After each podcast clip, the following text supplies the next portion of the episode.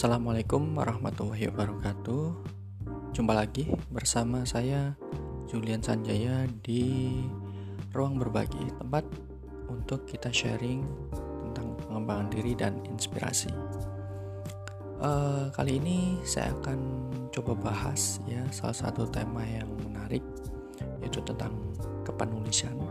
Ya, saya akan berbagi atau sharing tentang kepenulisan, tentang apa yang saya tahu untuk bisa menulis dan goalsnya adalah untuk bisa menerbitkan sebuah buku. Baik, untuk tips yang pertama ini adalah tentang bagaimana cara kita menemukan alasan yang kuat. Ya.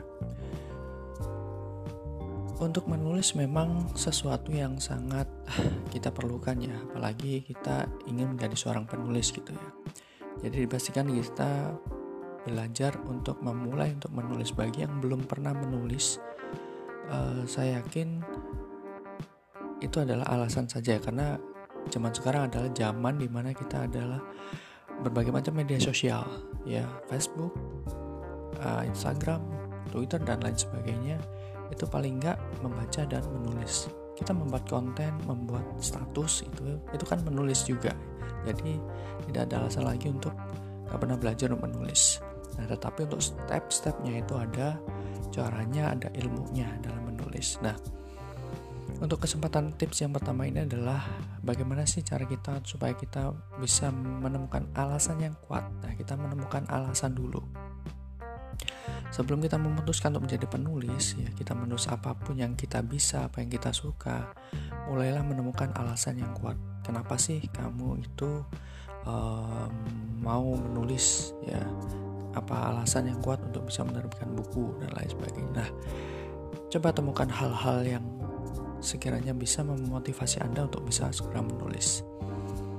Memang karena menulis banyak manfaat uh, banyak Eh, hal-hal uh, baru yang bisa kita dapatkan dari apa yang kita tahu. Sehingga kita menuliskan sesuatu yang baru tentang apa yang kita kuasai tentang apa yang kita sukai. Nah ini saya orang lain pun bisa memberikan uh, inspirasi ya. Orang lain bisa terinspirasi dari setiap tulisan kita yang kita tulis. Contoh saya sendiri ingin menjadi penulis adalah uh, salah satunya adalah ingin bermanfaat bagi orang lain ya sebaik-baik manusia adalah yang bermanfaat bagi orang lain. Nah, yang membedakan ada caranya. Ada yang melakukan dengan menulis, ada yang melakukan dengan melakukan podcast, ya sharing, ada yang melakukan dengan uh, via YouTube. Banyak cara untuk melakukan hal-hal kebaikan. Nah, di sini salah satu caranya adalah dengan cara menulis.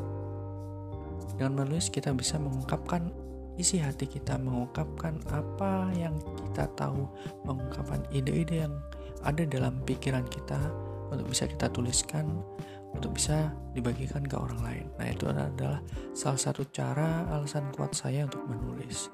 Di samping itu, kita juga menulis uh, bisa buat branding diri kita sendiri, ya, membranding diri kita kalau kita bisa menulis, kita adalah penulis, kita adalah pengarang yang bisa membagikan hasil karya kepada orang lain.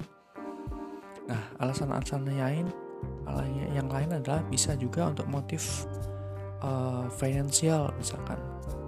Karena dengan hobi kita bisa menghasilkan sesuatu income yang bermanfaat dan bermanfaat kita juga ada transaksi di dalamnya. Ya. Tapi itu adalah bukan goals utama kita, tetapi itu adalah fadilah atau efek dari apa yang kita lakukan. Menyenangkan bukan kalau hobi yang sekaligus dibayar. Nah, mungkin itu aja untuk pesan yang pertama kali ini dari tips yang pertama temukan alasan yang kuat kenapa teman-teman bisa ingin menulis ya karena teman-teman sendiri yang tahu apa alasan kuat yang ada di dalam diri anda sendiri tapi satu hal yang saya garis bawah di sini adalah lakukanlah semua itu dengan niat ikhlas untuk berbagi. Insya Allah uh, segalanya akan dipermudah dan dilancarkan uh, segala sesuatunya. Itu ya. Saya doakan teman-teman yang belum pernah menulis coba segera menulis, latihan terus dan jangan menyerah. Suatu saat pasti akan mendapatkan hasil karya yang lebih baik. Mungkin itu saja yang bisa saya sampaikan dalam podcast kali ini. Nantikan tips-tips untuk kepenulisan berikutnya.